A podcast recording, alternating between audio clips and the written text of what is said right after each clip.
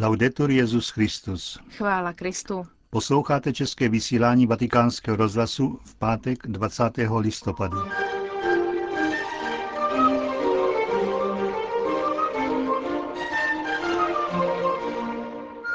Jako obvykle v pátek uslyšíte po aktualitách z Vatikánu pravidelnou promluvu otce kardinála Tomáše Špidlíka. Pořadem vás provázejí Josef Kuláček a Markéta Šindelářová.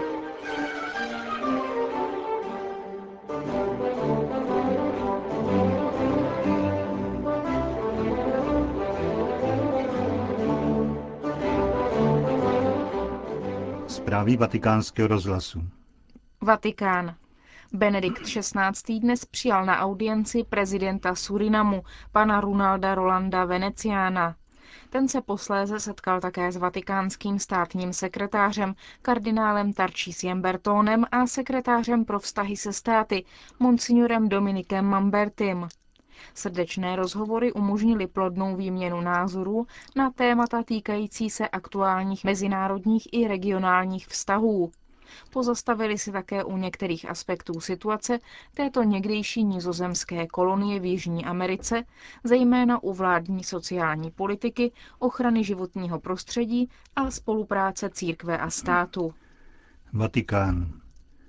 Ať se mezinárodní společenství zasadí, aby bylo učiněno vše potřebné pro neslyšící osoby, zvláště v nejchudších zemích, aby nebyli diskriminováni, ale naopak plně zařazení do společnosti v ní žijí. To byl apel Benedikta XVI. z dnešní promluvy k účastníkům Mezinárodní konference o pastorací neslyšících s názvem Efata. Otevří se. Neslyšící člověk v životě církve. Konferenci pořádá Papežská rada pro pastoraci ve zdravotnictví a potrvá do zítřka. Benedikt XVI. ocenil práci združení, která neslyšícím pomáhají. Připomněl také scénu z Evangelia, kdy Ježíš uzdravil hluchého. Kristovo jednání v tom okamžiku je projevem blízkosti a vnímavosti konkrétního zájmu a hlubokého soucitu k hluchoněmému. Stejným postojem k neslyšícím se musí vyznačovat každý. Situace neslyšících v rozvojových zemích není podle svatého otce problém pouze lékařský, psychologický či pastorační, ale dokonce etický. Apeluji na všechny, na politické a civilní autority i mezinárodní organizace, aby i v těchto zemích podporovali nutný respekt k důstojnosti a právům neslyšících osob a vhodnou pomocí přispívali k jejich plnému společenskému začlenění. Předsudky a diskriminace neslyšících jsou podle Benedikta XVI. výsledkem jiné formy hluchoty lidstva, od níž ho přišel zachránit Kristus.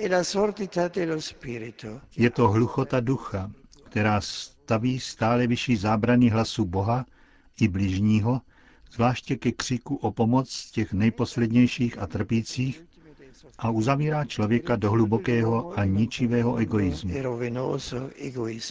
Církev podle Kristova příkladu musí láskou a solidaritou podporovat četné pastorační a sociální iniciativy pro neslyšící. Je to znamením Kristova přání zachránit lidstvo ze samoty a nezdílnosti egoismu a učinit z něj lidstvo, které naslouchá, lidstvo, které komunikuje. Drazí neslyšící bratři a sestry, vy nejste pouze adresáty hlásání evangelního poselství, ale jste také hlasateli v síle vašeho křtu. Žijte tedy každý den ve svém prostředí jako světkové páně. Ukazujte Krista a jeho evangelium. Drazí přátelé, děkuji vám za toto setkání a svěřuji vás všechny, kdo jste přítomni, mateřské ochraně Pany Marie, Matky lásky, hvězdy naděje a Madony ticha.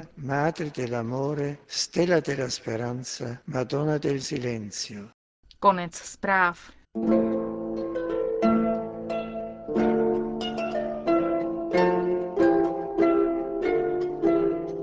Jak nesmírně veliký je Kristus ve své moci k nám, kteří věříme. Pravidelná promluva otce kardinála Tomáše Špidlíka.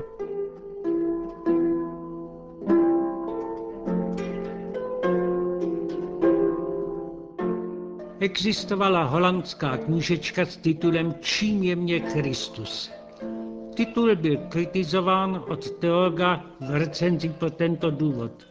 My křesťané věříme, že je Kristus plnost pravdy a že je jediný. Není vhodné jej relativizovat a vymýšlet, čím je pro mě, pro tebe a pro kohokoliv jiného. Přesto však knížečka napsaná od konvertity z ateismu zbudila velký zájem. A nejsme ochotní dát zapravdu kritikovi. Kristus je opravdu jedna celá pravda, ale není to abstraktní systém. Je živá osoba a zjevuje se svobodně různým lidem a jeho zjevení je svobodně přijímáno podle stupně víry, důvěry k němu. I ten postoj je živý a roste. I svatý Pavel byl konvertita. Kristus se mu postupně zjevoval a jeho víra rostla. Jeho první obrácení se sice projevilo z nenadání, ale v plánech boží prozřetelnosti mělo od věčnosti předurčené místo vzhledem k povolání jeho vlastnímu, jeho národa a celé církve k světu. Měl být z vyvoleného židovského národa, aby se stal apoštolem národů jiných. V obojím prostředí měl vydat svědectví, co pro něj znamená příchod bohočlověka na zemi. Pokud jde o jeho svědectví k židům, srovnajme je s povoláním ostatních apoštolů, jak je podivuhodně načetnuto. V prologu z Evangelia svatého Jana. Svou mentalitou patřili židé psychologicky takzvanému akustickému typu, věřili tomu, co slyší od druhých. Zatímco vizuální řekové od nejstarších dob věřili s Anaxágorem, že mají uznat za pravdivé jenom to, co viděli na vlastní oči. Hebrejský termín pro pravdu MS označuje věřené slovo, kterému může poskytnout důvěru. Nedivíme se tedy svědectví danému v tomto smyslu. Na počátku bylo slovo. A to slovo bylo u Boha a to slovo bylo Bůh. V dějinách spásy se slovo od počátku obracelo k vyvolenému židovskému národu. Až v plnosti času se to slovo stalo tělem a přebývalo mezi námi.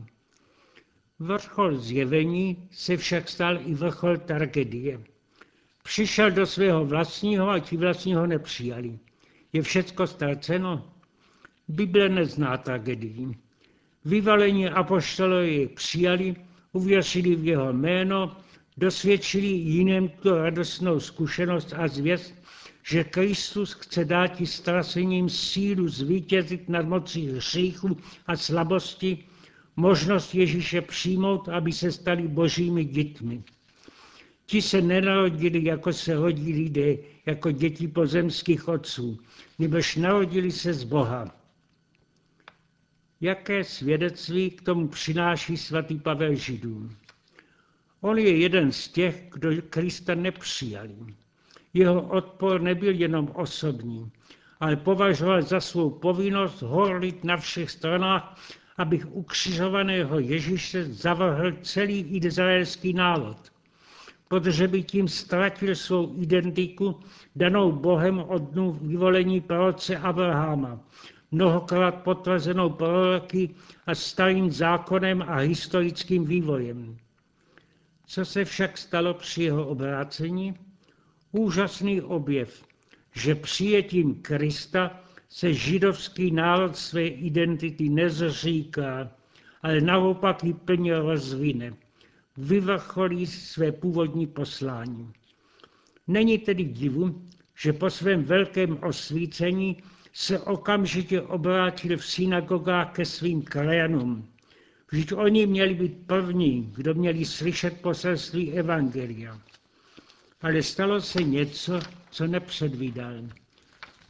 Našel daleko vděčnější posluchače u národu pohanských a byl nakonec i od ostatních apoštolů k ní poslán na zhromáždění v Jeruzalémě, které lze považovat jako první církevní koncil.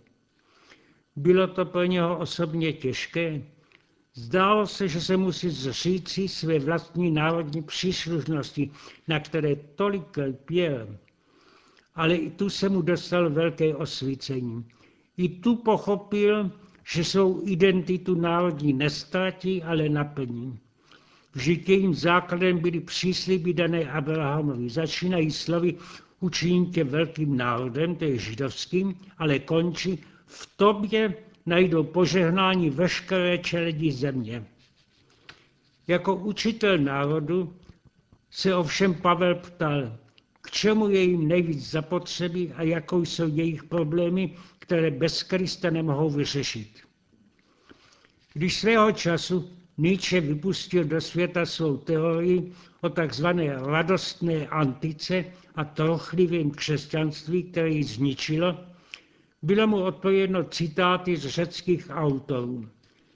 Tenkrát se antický svět bál dvou úhlavních nepřátel – osudu a smrti. A jak antické myšlení nedokázal smířit jasnost ideálu s konkrétní zkušeností.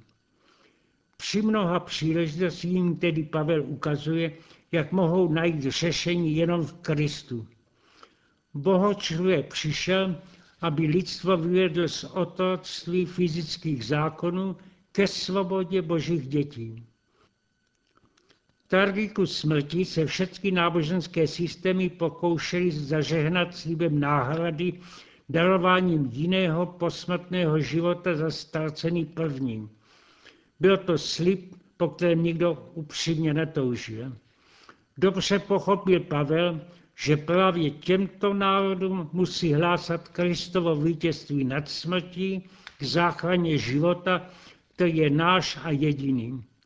Je si také apoštol vědom, že právě toto evangelium je pro ně úžasnou novostí. A proč nazval jejich kulturní myšlenkou vyspělot pošetilostí? Vždyť považovali své velké ideje za božstvo, ale jejich realitu přenesli do neskutečného světa idea, zatímco člověk denního života posuzuje jenom jejich stíny. Naopak Kristus, idea Otce, se vtělil na zemi ne jako stín, ale jako plné uskutečnění Boží pravdy na zemi. Patologové často ukazují, jak mnoho řečtí otcové užívali platonských myšlenek k vysvětlení křesťanského učení. V duchu Pavlově jsme ochotní ten závěr převrátit.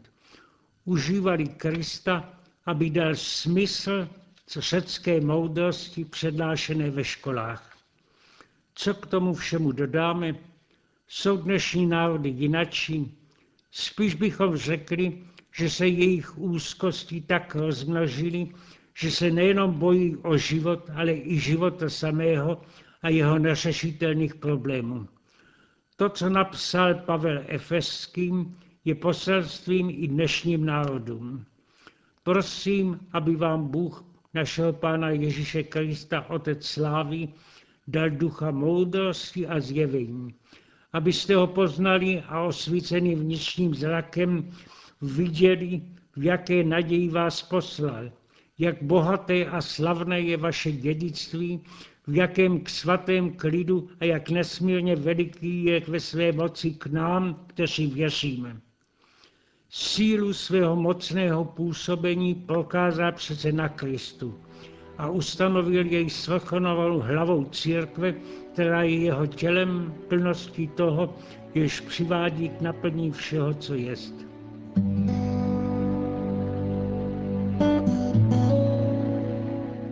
Slyšeli jste promluvu otce kardinála Tomáše Špidlíka a tou končíme české vysílání vatikánského rozhlasu.